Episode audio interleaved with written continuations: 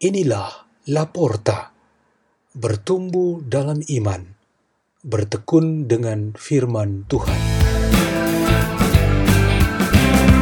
Bersama kami, Teresia Anindya Ika Putri, umat Gereja Santa Monica, dan Francisca Putri Setiawati, umat Gereja Santo Gregorius Agung, Paroki Kota Bumi.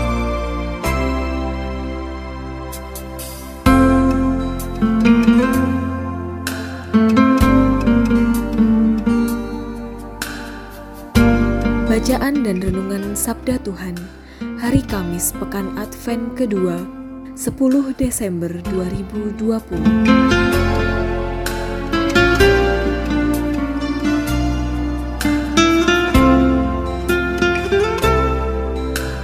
Bacaan Injil Tuhan kita Yesus Kristus menurut Matius.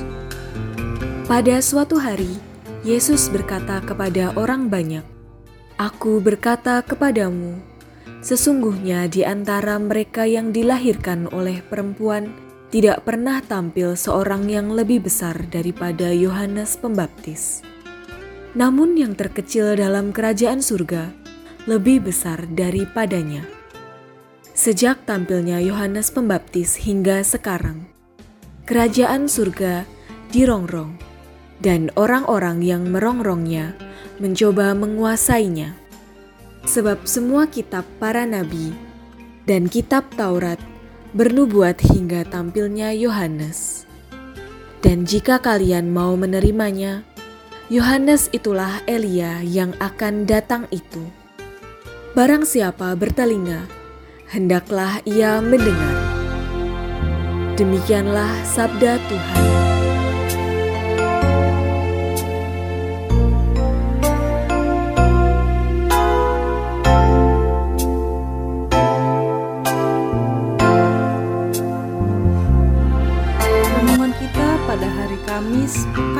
Kedua Advent ini bertema Padang Gurun Advent. Di sebuah kampung yang jauh dari pusat paroki, ada sebuah gereja stasi yang sudah tua. Umat Katolik di situ dipimpin oleh seorang katekis yang kurus dan berpenampilan amat sederhana. Namun, ia sangat dihormati di kampung itu. Kepada tamu yang datang, ia selalu berkata begini: "Semua laki-laki dewasa sudah merantau ke kota atau luar negeri. Saya adalah laki-laki dewasa sendiri yang menemani semua orang di kampung ini." Katekis ini patut kita beri gelar sebuah padang gurun Advent yang begitu spesial. Yohanes Pembaptis juga menjadi inspirasi padang gurun Advent bagi kita. Tidak ada kemegahan dan kemuliaan untuk dilihat. Kita menjadi gurun karena kita mengalami aneka penderitaan dan kesulitan. Tetapi jiwa kita penuh harapan akan pertolongan Tuhan. Ini sama dengan nasib hidup Israel dahulu yang kembali dari pengasingan Babel mereka melewati hamparan gunung yang begitu ganas, sehingga mereka melihat dirinya bagai cacing dan ulat yang tak berdaya. Tapi mereka memiliki kerinduan yang amat besar jika Tuhan berbaik hati menolong mereka. Menjawab kerinduan itu, Tuhan menghadirkan mukjizat dengan ketersediaan segala hasil bumi melimpah demi kesejahteraan mereka. Tuhan menjanjikan hidup baru bagi mereka. Gurun kehidupan diubah dengan hidup dalam kelimpahan kasih sayang. Dalam menghadapi rupa-rupa kesulitan, penderitaan, bahkan kematian itu sendiri, Tuhan menghadirkan pengharapan hari ini, melalui bacaan-bacaan kita, pengharapan itu terungkap melalui suara nyaring yang mengingatkan kita untuk menyiapkan jalan bagi Tuhan. Di tengah berbagai bentuk gurun kehidupan itu, kiranya kita membuka jalan tanpa hambatan, supaya Tuhan datang untuk mengunjungi, menyapa, dan menyentuh kita.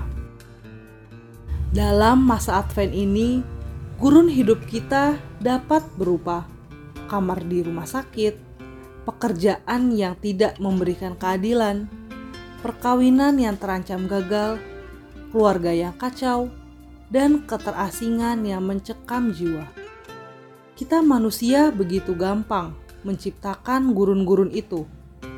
Gurun memberikan gambaran yang menyakitkan karena kering, kerontang, dan tak menghasilkan apa-apa. Tetapi Tuhan melihat sebaliknya, yaitu air berlimpah dan pertumbuhan yang subur. Manusia lebih cepat melihat ancaman kematian, namun Tuhan melihat kehidupan baru dan ketahanan hidup. Tuhan mengutus nabinya Yohanes Pembaptis untuk membantu pencapaian kehidupan baru itu melalui pewartaan tentang perlawanan terhadap kuasa kejahatan dosa dan pertobatan. Gurun dapat membuka peluang bagi kita untuk menyerah, bahkan mati untuk dosa-dosa kita. Maka, kita meski dapat mengatasi gurun-gurun kehidupan kita. Marilah kita berdoa dalam nama Bapa dan Putra dan Roh Kudus. Amin. Bapa yang baik, segarkanlah dan kuatkanlah kami yang mengalami gurun kehidupan yang menyiksa, supaya kami dapat melihat dikau dalam pengharapan yang besar. Kemuliaan kepada Bapa, Putra, dan Roh Kudus, seperti pada permulaan, sekarang, selalu, dan sepanjang segala abad. Amin. Dalam nama Bapa dan Putra dan Roh Kudus. Amin. La porta, la porta, La porta.